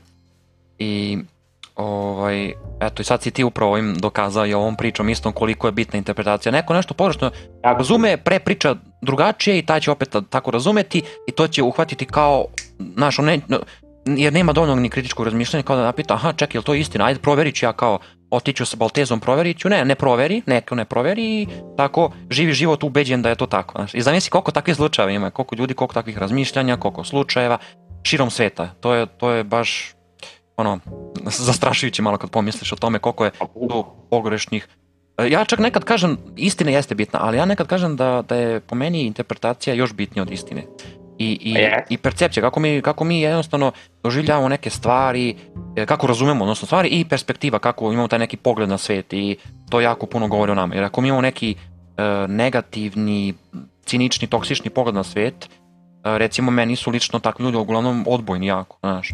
I ako je baš ono odu ekstrem jako, ok, naravno, svi mi verovatno kroz život imamo malo možda nekog, ne znam, cinizma, arogantnosti umemo biti, ali ne ono stalno, kad je neko stalno takav, ja ne mogu to, znači ne mogu, ćao, ne slušam, doviđenja. Znači, yes, te, teški ljudi, teški ljudi, uf, jako teški. Uf, znači, baš. Ali prvo su teški sebi, znaš, pa to je problem, to se zrači. A, to zračenje je uvijek bitno. Ali to ti onaj, opet, e, i ako si čito verovatno o tome, o zakon privlačnosti, znaš za to ono što kažu, da to zvuči ogroman klišav je danas, uveliko, ali on, e, što zračiš to privlačiš. Ali to, to, to nije ništa ono novo, znači to, to je neko tako, ja ne znam sad koliko godina ima tako ovaj, um, kako kažem, te neki, to razmišljanje ima sigurno jako puno godina, to je zastarlo čak. E sad, takođe postoji problem što ljudi isto baš zbog to što idu u krajnost često i kad čuj recimo, e zato vidiš još jedan razlog, ono što si ti rekao i što sam se odmah složio s tom, ne, ne valja te etikete. Sad ti na nekog staviš etiketu gotovo, ti si ga već osudio, nema, nema tu e, objektivnog razmišljanja, tu već počinje komentari osuda, kako je rekao Anton Demelo, znači ako hoćeš nešto da objektivno posmatraš, samo just observe, samo vrši observacije, nemoj da, da komentarišeš, nemoj da osuđuješ, samo slušaj, gledaj i to je to. I, ovaj, i sad, to, to, je, to je isto jako bitno u životu, to sam, to sam primetio, šta misliš o tome? E, slažem se u potpunosti jer vidi uh, meni dođe neko napiše, pošle poruku, kakav si ti fitness trener zato što dve tačke, uopšte nije bitno šta. Uh mhm. -huh. Znači, neko te nađe kao fitness trenera i on ima narativ o tome šta sve fitness treneri rade. I ja ne mogu tu osobu da krivim. Kad je on 20 fitness trenera pre mene zapratio i svi su na kalupu. Da. Svi jedu iste stvari, rade kardio u isto vreme, treniraju na isti način, a, ne idu u kafanu. Da E, ne znam, Isto Gym life ovo i ono, isto razmišljanje, iste stranice su lajkovali, istim ljudima isti pišu. imaju. sve. Da, da. Znači model. I onda da, dođem da, ja. Da. I lik dođe i kao, šta je svojim likom? Kako on može biti fitness trener ako on džankuje svaki dan? I ne, I ne može da skonta. On ne može da poveže ta dva. A, da. On ne može da shvati da sam ja pre svega čovek. Da. A drugo, da ja možda imam drugu naraciju, da ja druge neke stvari promovišem. Zašto ja džankujem svaki dan, toga ne zanima. A samo da me pita, dobio bi odgovor. Da. Ili da me prati, što ti kažeš, zamisli da me ta ista osoba prati mesec dana pre bilo komentarisanje, da shvati o čemu se radi. Ne, zapratio me juče, danas me osudio. Hm. I šta je on dobio s time? Ništa. Ništa. Dobio je da ga ja blokiram ako bude bezobrazan. da, i nije izvukao ja, ništa pametno. Ja u posljednju godinu dana radim instant blok. A... Ako je neko bezobrazan, ja se ranije trudio da nekim ljudima nešto objasnim. Da. Instant blok bez ikog odgovora. Ako je neko onako kritički nastrojen, ali nije bezobrazan, dobit će odgovor, nije nikakav problem. Da, ono, Mnogi okay. ako ima konstruktivnu kritiku i dobru nameru, i recimo, ima, što kaže Sale, neko je baš uspo, ajde da kažem da promeni, ali recimo napiše loš negativni komentar, Sale mu lepo odgovori, i onda ovaj, recimo odgovori u tom fazonu sa ne znam, naš specifično ta, ta šta je bilo, ali kao otprilike uh, ok, izvini, stano imao sam loš dan, vidiš, znači ima i takvih, ono i to mogu da razumem, nisu to loši ljudi, to je ok, ali kad je neko baš, ono, to se vidi, e, takve, verujem ja, znači imam ovakvu blok listu, čekaj, o, ovoliko, ne može da stanem naš na kameru, ogromno, ogromno imam o, isto e, s nekima, ne vredi jednostavno, kad vidim da je izgubljen, da je totalno, um, e, sad bi neko postao pitanje kako znaš kad je neko izgubljen, pa dobro, zna se, druže, pa nismo od juče, nismo naivni, zna se, to je te kako se zna ako znaš gde tražiš i, i kako razmišljaš i i ovaj, kako ga pročitaš, i obično sam neko ko dobro pročita ljude, i, i ovaj, tako da vidi se to i po načinu pisanja, kažem, ja baš ulazi malo dublje, ja to malo vidim, e, eh, to eh, kad čitam recimo, to već eh, ulazi u, u lingvistiku i umem da analiziram tekst isto recimo i to, to redko koja da se uspada sakrije, čak i u tekstu i tako da se eto i po tekstu može vidjeti, a tek uživo naravno još više.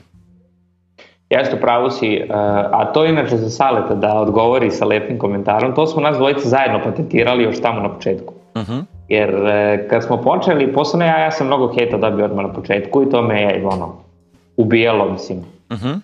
Jer ja sam tad, kad sam predstavio kanal, radio masu, imao ono, 25% masti, trebao ići na defku i to su jako loše protumačili, kao šta ti pričat, vidi ga kakav si vam tamo. Ovo, Sale je napravio dobar potez jer mu je prvi, prvi klip bio kad je bio u formi. Mislim, dobro, Sale je stalno u formi, ali to sad nije. Da.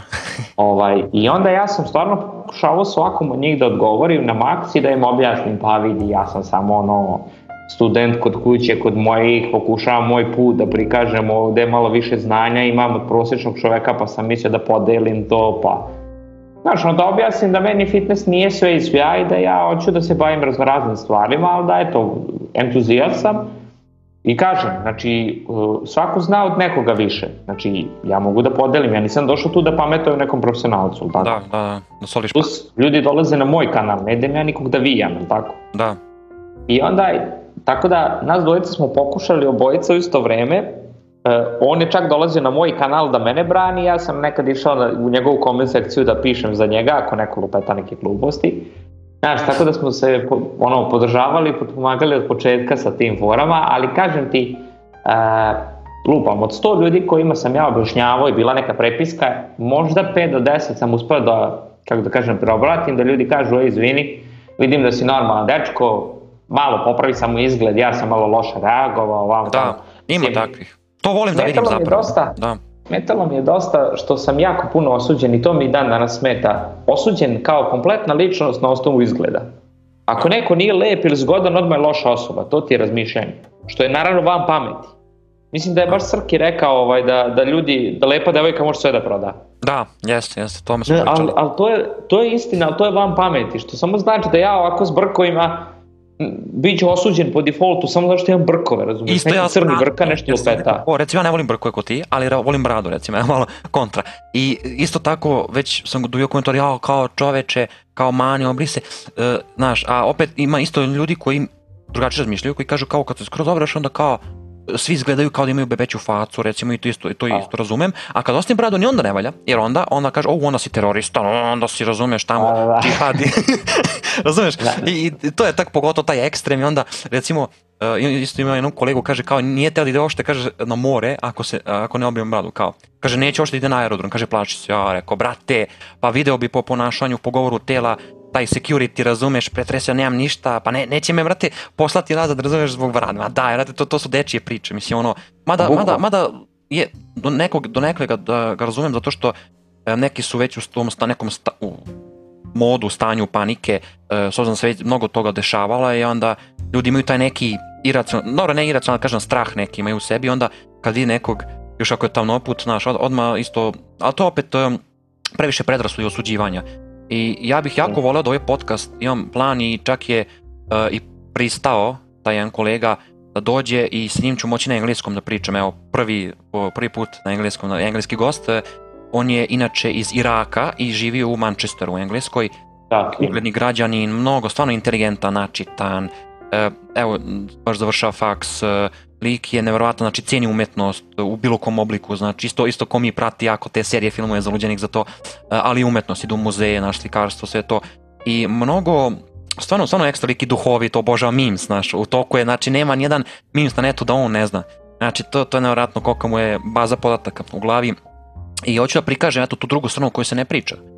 Jer mnogi uh, mnogi, lju, mnogi, mnogi mediji samo izveštavaju, to je svi mediji, mogu da kažem, ili, ajde, većina e, izveštava kad se nešto loše desi. Znaš. I onda e, ljudi imaju takav, e, tu percepciju imaju da je to od 0 do 100, da je to 100% ljudi da su takvi na tim teritorijama, znaš, na tom području sa tog istoka i ali nikad ne pričaju o nekim dobrim, naravno koji čine dobar dela ili koji su jednostavno samo smireni, žive svoj život normalni kao i svi mi i to ne prikazuju jer to ne, dolo, ne, ne, ne, ne dobija zaradu, preglede, jel, opet se vraća sve to na zaradu, ali hoću da prikažem tu drugu stranu novčića i, i da vide da imaju takvi, znaš. Ali opet baš zbog nekih maloumnih moram na početku da, da naglasim da, da, da ja ne štitim e, ove loše, znači tu lo, lošu stranu ter, teroriste, ne, i, i da to nikako neko tako ne shvati, jer ja sam nešto naravno protiv takvih i I svaki normalan čovek, mislim, to je neki, neki da. zdrav razum, bi ga, znači, da, da budeš pro, protiv takvih i ovaj, ali želim da pokažem tu drugu stranu, to je po meni jako bitno zbog svesti, znaš, jer ako, vjerojatno si čuo, ima tamo neki, po Facebooku sam čuo neke grupe koje šire mržnju, znaš, i koje uh, nasilje, znaš, a, a nasilje nikako nije dobra, dobra stvar. Šta, šta je ikad rešilo nasilje? Sa, rat prouzrukuje više rata, nasilje prouzrukuje više nasilja i onda desmo opet nismo ništa rešili, znaš. Tako da, eto, zbog toga, baš bi volio da ga dovedem jer mislim da ima sjajnu por, poruku, bi imao taj podcast isto smatram da je to baš dobra ideja i baš ovaj, ću pogledati naravno uh, jer zanima me. Uvijek volim da čujem i drugu stranu jer za sad se uvijek potrefilo da istina negde u sredini. Svaka, svaka da. rasprava, bilo šta šta je bilo, nikad nije bilo na jednoj strani samo. Da. Ali sad da se vratimo na prethodnu temu, to sam ti rekao da sam ranije se dosta više raspravljao sa ljudima i pokušavao da im objasnim jako finim tonom da nisam ništa ono zgrešio zato što sam malo deblji, razumeš, mislim, koga briga da. za nekog tamo levog studenta ono koji nema veze s fitnessom. Ja s time ljudi ne bavim. Mislim, sad kad se bavim time, meni to ne plaća račune. To je, ja držim treninge drugima, to je nešto sasvim drugo. Tu moj mozak radi, a ne moje telo, tako? Da. Ali to uopšte nije bitno. Poenta je da e, prestao sam da objašnjavam ljudima, ko me ne razume, ne razume. I prosto, ako si bezobrazan, dobit ćeš blok, ako nisi, ok, reću ti, nemaš frke, doviđenja i... Da, jednom pokušaš, to je to, dovoljno. Nem, nem živa, ma ja sam godinama pokušavao. Da sam se baš upirao. I ja. Al džabe. Znaš ti koliko energije, i vremena i energije na to utrošimo i živaca, to je nevjerojatno. Onda kad sam skonto koliko energije ode na to, rekao ne, batalio, ovo ne vredi, znači i sad trošim na neke druge stvari energiju i fokus mi. Tako je i zato, zato sam malo, kako da kažem, na Instagram otišao više jer mnogo manje ljudi hetuje jer su pravi profili. Čim je da. neki vlažni profil ja to blokiram i završam. Kad su pravi profili, mnogo manje ljudi ih hetuje, svi ćute. Ovamo, znači na YouTube-u me jako smorilo to što je prepuno trolovanja i hejta, znači to me udavilo bilo u jednom momentu i jednostavno više nisam mogao. Ja, da. I nije da to meni nešto smeta, nego prosto ne vidim pojentu. Prosto mi je postalo redundantno da ja po, pola dana izgubim, računar mi crkava na renderu, a, ovo ono, da to prvo niko ne pogleda, a i oni koji pogledaju da hejtuju, da uopšte ne vide vrednost u tome što ja da. stavljam. I kad sam ja to skonto, je prosto Instagram je tu došao slučajno, ja sam, nisam hteo da to radim, nisam uopšte ulazio, nego se jednostavno kako sam počeo, Sale mi je baš ono, mi je dao vetar u leđa na početku, ma samo kači kao nema veze ovo ono, i kad sam počeo eto, sad tamo ono, ide mi sve bolje i bolje i super mi je, mislim, Mislim, radit ću ja za YouTube, evo sad baš spremam novi serijal za ovu definiciju, bit će jednom nedeljno dugački vlog kao 2018 što sam radio, ali neće se puno upirati. Ko god bude iskočio nešto puno u koment sekciji da talasa, bit će odstranjen i to je to. Prosto nema, Prosto ja sam došao tu da dam neku vrednost i da taj neku, neki moj put prikažem zarad uspomena, kome se to ne sviđa, ćao. Nisam ja tu došao slušam tuđa mišljenja. Znači, da, nek talasu drugde, ko kanal, mene neće. nek naprave kanal pa nek onda daju mišljenja o meni na svom kanalu. Ja da. neću na svom kanalu trpim gluposti. Nije problem ovaj, konstruktivna kritika, ja razumem neke stvari, ali ja prvi znam moje najveće mane, znači ne trebam, ja nisam pitao za mišljenje. To možda isto loše zvuči kao ti kad stavljaš sadržaj ti si podložan tuđim mišljenjima. Ok, da. ali si ti podložan mom blogu. I to, Vrlo je prosto. I to stoji, da, da. Znači, ja ako ne pitam za mišljenje, Ovo je bilo dobro. ne zanima me. da, da. Prosto je. Mislim, ti ga možeš dati, ali možeš ga dati i kulturno, i normalno, da. i sa poštovanjem. Sve izbora. I da, da ja kažem, jeste u pravu si. Ima ljudi koji kažu, du, du, du, du, ovo loše, ovo dobro, kažem, super, pravu si. Tako je, nema nikih problema, pa nisam ja sujeta. Ali neću da trpim nikakve, nikakve ispade bez obrazluke. Da, pa ne trebam. Ja sam svoju sujetu davno ostavio iza sebe. Mislim, svaki dan se tu slikam i snimam, sad ja budem sujetan, to ne funkcioniše. Da, ali ni ne daš ja na sebe, to je logično, ne treba dati ali, sebe. Ili... Ali imam vrlo jake standarde i znam, znam svoje mane, ali ne dam da me neko ni podaštava zbog toga. Da, jasno. Radim na mnogo većim stvarima u životu od toga da imam pločice. Super je to, ali to je meni za decu. Da. Razumeš? Da. Ja sam ovde, ne znam, na Instagramu samo spasio 15 do 20 klinaca od anoreksije zato što su klinci izgladnjivali i ovaj, zato što su hteli da imaju pločice jer su videli od pere bildera da moraju dijet, da, dijetu rade da, da. i to mi je recimo mnogo veći uspeh nego da ja sad ne znam kako izgledam cele godine. Pa ja sam celu moju priču i narativ toga da budem deblji kao fitness trener okrenuo na masonerija i da je to dobro. A sad će... I to će tek, to će tek ići.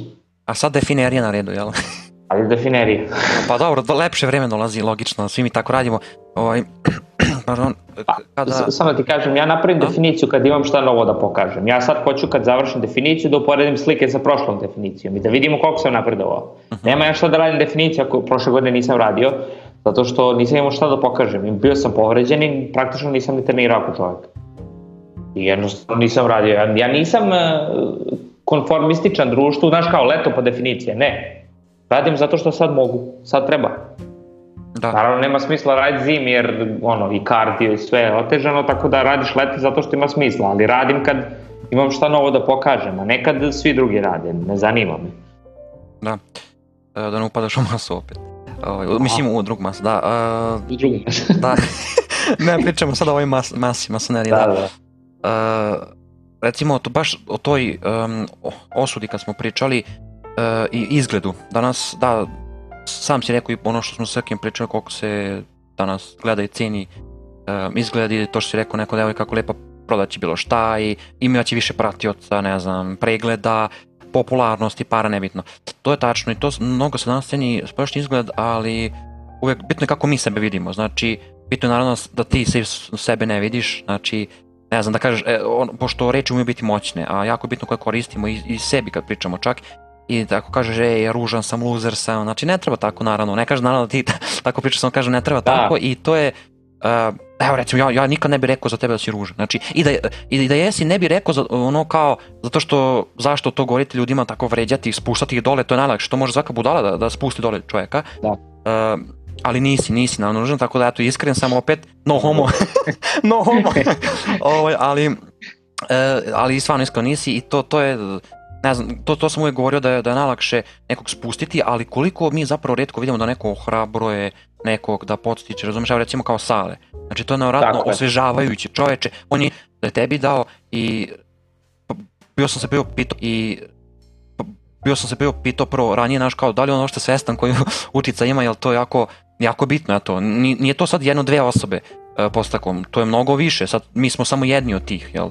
I, pitanje da li bi ja krenuo s podcastom, on je baš, mi, baš me bio jako dobar vetar u leđa bio, baš, baš tad sam ja još 2016. kada je radio svoj prvi Bigger by the Day, sećam se, bili smo jednom u Exit, čemu još tamo ranije kad je bio, nije ni bitno. Uh-huh. Baš sam objasnio šta da tad ono bili tri fitness kanala na Balkanu, bili on, ja, Dario Žinić je snimao nešto ovaj, sporadično i Balkan Fit i eto, kompleksaš je nešto snimao. I Niksa naravno kao da. predstavnik da, da. šire. Ali razumeš, bilo nas je, ajde, pet Sad već imamo dosta više ljudi koji su se tu nekako priključili, ali ja sam njemu rekao, vidi Buraz, e, tvoj kanal nije za treninge i ishranu i šta sve ne, to je sve super, ti imaš dar da motivišeš drugi, da, da budu bolji. I to da. niko od nas dan danas nema. Svi imaju nešto, ali Sale ima dar da podigne drugi. To je, to je bukvalno dar od Boga, ako tako mogu sad da od Boga, od razuma, od, od prirode, od roditelja. Nije da, da, ali mnogo je poseban, ističe se, to sam ja odmah bio primetio kod njega, jer znaš, baš ono što kažeš, svi imaju taj neki uh, eh, Kalup je taj kao stereotip nekog uh, fitness trenera, kao svi su isti, bla bla, e pa nisu svi.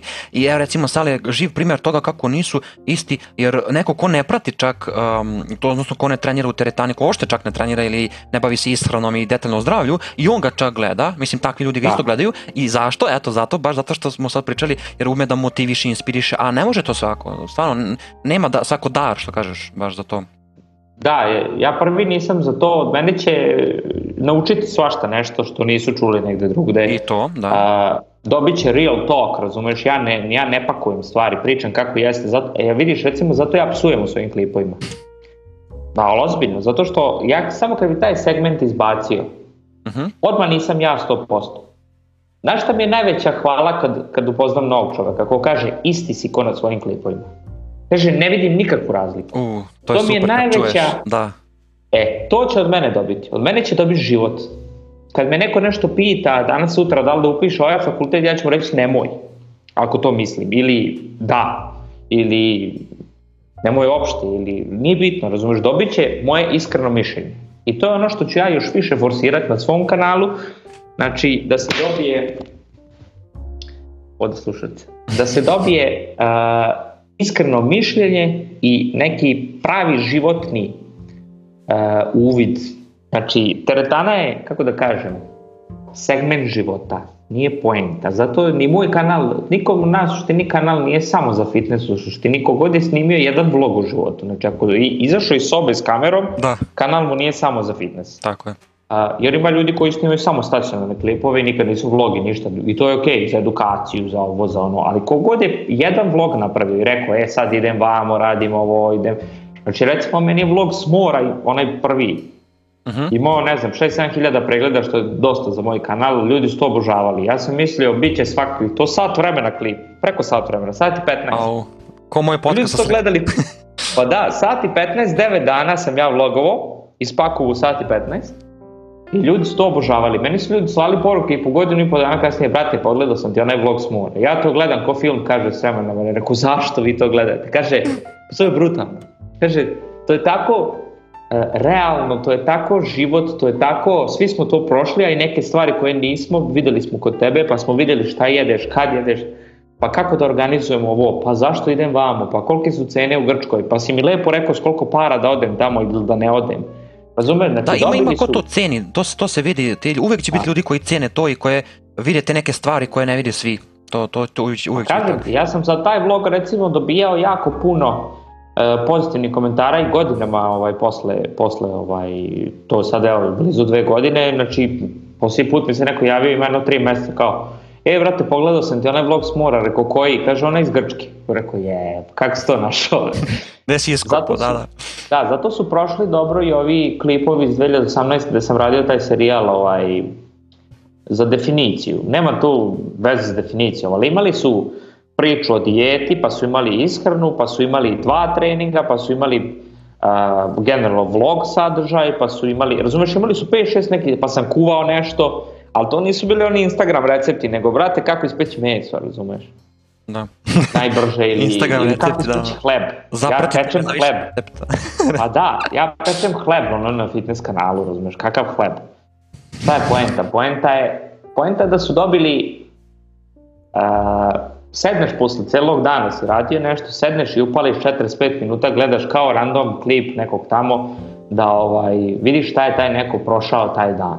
I dobiješ tu neku realnost kojoj e, a iz godine u godinu to sve bolje izgleda. Znači ja težim tom nekom napretku i ne želim ničeg da se odreknem u procesu, to je isto vrlo bitna stvar. Znači ja hoću i jare i pare, svi ti govore da to ne može. Da, svi govore, svi govore. E, ali sad ću što reći, može, samo je mnogo teže i mnogo više vremena. Da. Znači velika, e, veliko je odricanje ko ćeš jare i pare. Znači prvo vreme je neponovljivo. Znači, samim time ako žrtvuješ vreme, jako se puno žrtvuješ, je li tako? Ali ja u životu imam sve, a ni u čemu nisam top. Sad, mnogi to neće, ali ja hoću da imam sve i da ovako gradim, pomalo, ali sve. I ja ću za 10 godina biti u jako dobre pozicije, je li tako? Da. Imaću 10, 10 stvari koje su na visokom nivou. Mada neki kažu kao pare Porodica, još i možeš... Pare... Ali vreme kao ne može znaš, pare pa možeš. A da, ali ali e, ja ne gradim samo pare, gradim odnose, da. gradim sa drugarima, sa, ja nisam kafanu propustio ako sam ikad mogao otići, razumeš? Znači ja to volim, želim, odem, e, ne znači razumeš, zato što imaš ljude, eh, e sad treniram, volim i kafanu, ali ne mogu, odričem se tog, ne, znači nisi ništa uradio. Ako hoćeš u kafanu, namesti tako da možeš u kafanu, pored treninga. Ali neću da se odreknem i teretane zbog kafane, hoću opa. Ali to onda zahteva bolju organizaciju, da ćeš biti umorniji, da ćeš manje spavati, da, razumeš, znači žrtvuješ se ti ako hoćeš da. više stvari. Ali ako ti se odrekneš pet stvari da bi dobio i šeste nešto više, super ako ti tako biraš, ali ja tako ne želim. Da, da, svaki čas ima koji mogu, ali ti ne možeš, da, razumem. Ne želim, odbijam, prosto odbijam. Ne, neću da se odreknem ničega u životu zarad fitnessa. A opet s druge strane volim da treniram, volim da lepo izgledam, volim da se dobro osjećam, volim da pomognem drugima. A što bi se ja odrekao bilo čega drugog? Sad da bi ovde bio par excellence, da se odreknem svega drugog. Ne, neću. Hoću iz svega da budem dobar i da u svemu pomalo napredujem. Za 10 godina ću ja u svemu biti onda dobar. Razumeš? Samo što ne za godinu dana u nečemu biti dobar. Da. Zato ljudi kažu ne može. Nije da ne može, nego je problem. Ne, ili kad je nešto jako teško, obično su ljudi neprecizni pa kažu nemoguće, znaš. Nije nemoguće, nego da. možda samo mala šansa ili jako teško, tako reci onda, nema baš reći nemoguće, znaš. Dobro, neke tako. stvari jesu nemoguće, ali, ali to sam isto baš primetio, ljudi kažu, e, nemoguće ovo, a i onda neko to uradi, posle nedelju, posle par godina ne bi. eto, ili bilo nemoguće, ne nije. Eto. Evo sad će ovaj e, Thor da podigne preko 500 kila da ovaj Edijev rekord da pomeri. Jesi to ispratio? Nisam to čuo, stvarno? Da, da, ovaj strongman. Koji, uh, čekaj, čekaj, ovaj Chris, misliš glumac Tora ili ko? To glumi Tora ili ko? Ma ne, ne, ne, ne, ne, nego uh, e, Thor moje ime, ovaj što je glumio Game of Thrones u The Mountain. A, e, vidiš, taj Game of Thrones, eto, sada što smo pričali, ono, e, što si pomenuo temu ranije, recimo to je toliko popularna serija, ja, ja, ja je nisam gledao. Ali nije, verujem, nije, nije, ja. to što sam kontraš, nego eto, ne znam, jednostavno nisam ulazio u to nikad. Uh, veruj mi, nisi ništa propustio i ja isto ne bih gledao da moja devojka ne insistirala. O, ovaj, tako da sam zbog nje gledao, ali uh, požalio sam na kraju što sam gledao, tako da ništa toga. Nemo, nemoj da gledaš. Evo odmah ti kažem, nemoj da gledaš. Pa da, ima e, toliko e, serija, ne, ne može se da... popratiti, nema šanse, znači ja sam već 300 pogledao. A da, Eddie Hall je 2016. povukao na deadliftu 500 kila, a sad će Thor da, da povuče, prvo je bila zamisao 501, pa je odlučio da će 520 da ga, da ga zacementira. znači, al, al dok Eddie prvi put nije povukao 500, o tom se nije ni razmišljalo. I vidiš sad kad je on povukao 500, sad ovaj hoće 520. Znači, može se. Uh, sad vidiš recimo baš na što ovaj podcast, pa, pa da smo da smo hteli nismo mogli, znači da, da ga isplaniramo. I to je meni što se jako sviđa što, što iako sam neko ko voli da se pripremi, da planira unapred, kao u šahu, razmišljaš par poteza napred, ali više mi prije više nekako volim i cenim kao je ovako spontano, prirodno, ništa mi nismo spremili osim možda nekih par pitanja, ali van toga šta ćemo reći, znači to ide prirodnim tokom recimo i to, to su neki od uh, publike, baš od publike su neki ljudi to videli i pohvali baš i, i to mi se recimo isto jako svilo da su oni, o, ali ne, ni to ne ume svako da vidi i da ceni, znaš, neki jesu, neki nisu, ali te ljude zaista su mi dragi i e, volim da kad to primete i još jedna stvar da se vratimo nazad na onu prethodnu temu, sad sam se nešto baš setio što sam tada bio teo da kažem, e, oko fitnessa. Ljudi kad što opet mogu da razumem, znači s jedne strane mogu da razumem kad ljudi recimo vide nekog doktora Znaš, ono sigurno kao, ej, jedite manje masno i slatko, izbegavajte slano ovo ono, a, a doktor kao onako 300 kila, razumeš, da, da kažem ko da. može. Da. Pardon, i ovaj, i, i, i onda naravno da će, neće baš da slušaju te savjete od nekoga ko tako izgleda. Znači, to mogu da razumem. Ali ajde recimo sad, ti nemaš 300 kila, ali recimo imaš više i sad to ljudi, e, kao neki višak, kada kažemo sala ili nebitno, i sad to ljudi kao odmah misle e, kao, kao kao njemu da verujem, ako to ne može da primi na sebi i to shvatam to, to, e, uh, tu vrstu razmišljanja. Iako uh, ne, ne razmišljam ja tako, samo kažem shvatam, to, shvaćam, to je skroz neka druga uh, velika u stvari razlika, druga stvar. I, a s druge strane, na što, na, na što oni ne razmišljaju? Uh, da li si ti možda imao neki problem sa zdravljem? Da li si išao na operaciju? Recimo ja sećam, evo ja sam koliko otprilike 10, 10 godina, evo, možda 11 godina sam u treningu i ne izgledam da sam nešto ko Hulk, razumeš, neki ko bodybuilder, ali eto zašto? Zato što se nešto uvek dešavalo, dešavalo život se desi i da. unazadite i onda bitno je ne odustajati. I e, bilo je tu perioda meseci, čak i godinu kad sam bio bez treninga, kad ja sam se oporavlja, ne znam, uvek je bilo nešto oko sad zdravlje. Recimo, baš to mi je bilo recimo, fascinantno, jer svako ima neke, rekli smo, ono, borbu, e, demone, e, ima, svako ima neke, imao poteškoće, teške periode života i sale imao, ali koliko sam skonto po njegovoj priči, makar hvala Bogu, evo, rukom srce da, da kustam drvo, što kažu, nije imao sa zdravljem problema, onih većih makar ništa, ono, trajno, sale i recimo i ovaj, to je napredak E, mnogo bitan. Kad ti nemaš problem sa zdravljem, ne kažeš da je lako, ali lakše ide, znaš, ono, ne, ne, ne, ono kao dva koraka napred, tri koraka nazad. Ja onda sad idemo, znaš, kod tango, pa i onda kod mene recimo tako bilo i onda su ljudi, to skonto sam da mnogi me nisu ozbiljno shvatili kao da treniram, jer misle kao je treniraš, a ne znam, imaš tad koliko sam imao 75-80 kila, 85, ali cilj mi neki 90 opike. I ciljam masu, naravno, snagu, ali mi je na prvo mesto uvek zdravlje, I opet ono što smo rekli, ne da drugi, zbog drugih ljudi, nego zbog, zbog sebe.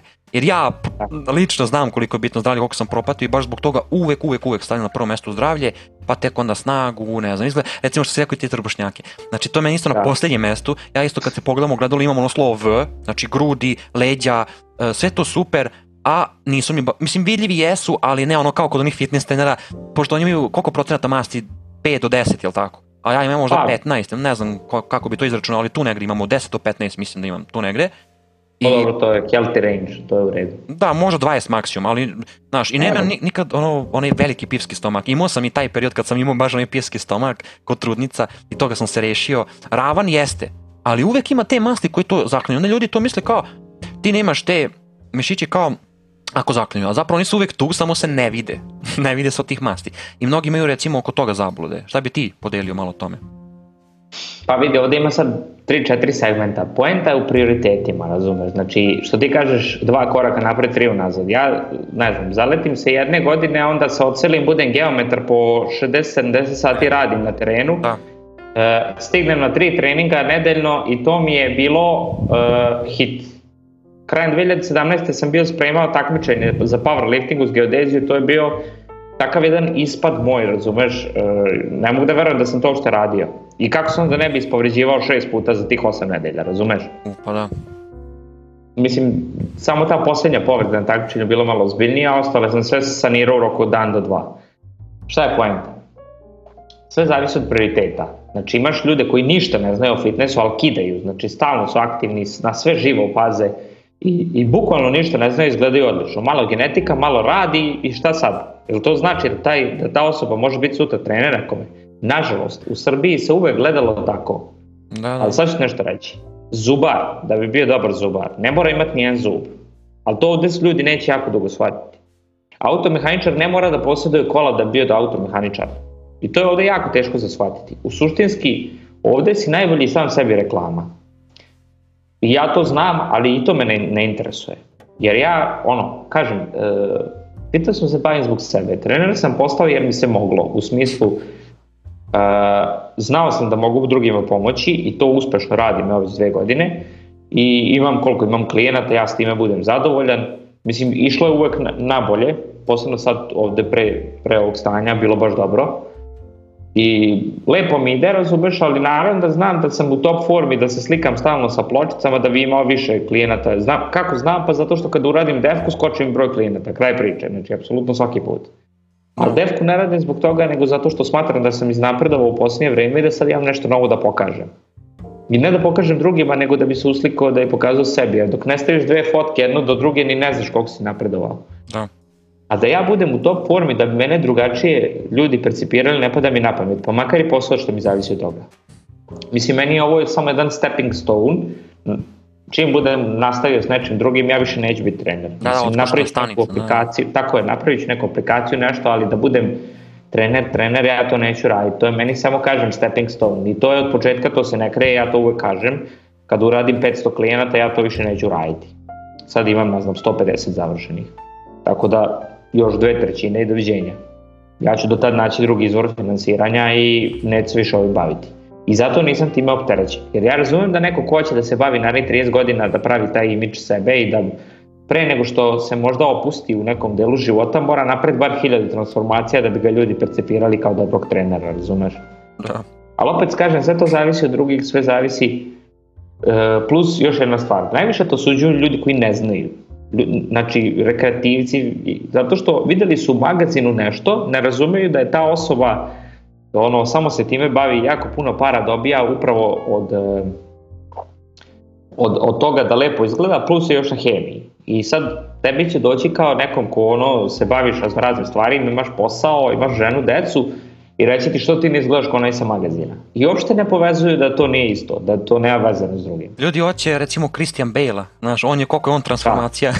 izvršio i misle da, znaš, neko mora da prođe kroz sve to da bi, dobro, oni znaju i ti koji su prošli te transformacije, znaju mnogo israni treningu, to stoji, naravno nije da je laž, da stoji, samo ljudi misle da, da svi mogu tako. A nije ni to naš lako i zdravo i to, zamisli ono, da se kosti provide recimo, ono, ako si ga video, mislim da to za mekenika ja sam... koji ulogu je to odradio. Taj Martini su, da. E, da, da, mislim da je to. I onda posle za Batmana naš mora ma masonerija da se vrati nazad. Ne, vidi, mogo bi ja kad bih hteo, kad bi to meni bilo stalo da budem u top formi cele godine, da budem na 10% masti. Znači, isti, istinski bi, nije to meni čak ni problem, nego ja ovaj, ne smatram da ja to treba da radim. Ja se ne osjećam dobro kad sam e, tako nisko, ne osjećam se kao muškarac u smislu Osjećam se kao dete, ne kao muškarac u nekom lošem smislu, nego osjećam se kao klinac kad sam lagan. Više volim da sam teži, da sam malo masniji, da sam u odeći krupan. E, bolje se osjećam ovako kad sam na masi. To što ima malo veći procenat masti, mene to ne tangira, razumeš? Ja volim da sam jači, volim snagu više nego izgled. Izgled mi je plus, volim da se uslikam, razumeš, da lepo izgledam. Da, da. Neki period Ne kažem ja sad ja trebam ono da budem debel, ne znam šta. Da, da, pa ne to debel ekstrem. u da, fitness da, da. krugovima je nešto drugo, znaš. A koliko kila da imaš Bi, pa sad imam, e, počeo sam sad defko ove nedelje sa 91,5. Aha. Ako inače, na meta... si, na masi kad si tu negde 90 nešto. Pa Pa ovo je mak maksimalno, nisam nikad imao preko 88 pre ove godine. A, e, to, to, to pitam. A. Tako da sam ove godine na maksimalnoj masi i vide mi se i dalje pločice. Tako da na 1,75 m, znači plus 17 na visinu sam dogurao. To je baš ono iznenađen sam bio da, Koliko da se visina? nisam To 80? 75. O, 75 u... Bog te, pa to da. je velika, ja baš gledam, ja sam 187, ja mislim, tako da, uf. Da, ja kažem ti, ja sam baš ono, ove, ove zime ono narastao, ali dobro sam narastao, držao sam se. A gde mislim, spadaš? Kulturan procent masti. Si ektom, A? ektomorf, mezomorf, šta si? Pa, Ektomorf. pa vučem na endo, Aha, ali nisam čist, nisam. Nisam, vučem na endo, ali, ali ovaj, suštinski mogu, mogu i gore i dole, ist, jednakim nekim putem. E, koliko kila dobijam, koliko kila i gubim kad idem unazad. Suštinski mogu biti i ono i sečena, mogu, ali i težim ka masi, u smislu uh, lakše odem ka masu nego ka defku ako, se, ako ne pazim. Ako bi sad bio godinu dana negde, vratio bi se veći, razumeš?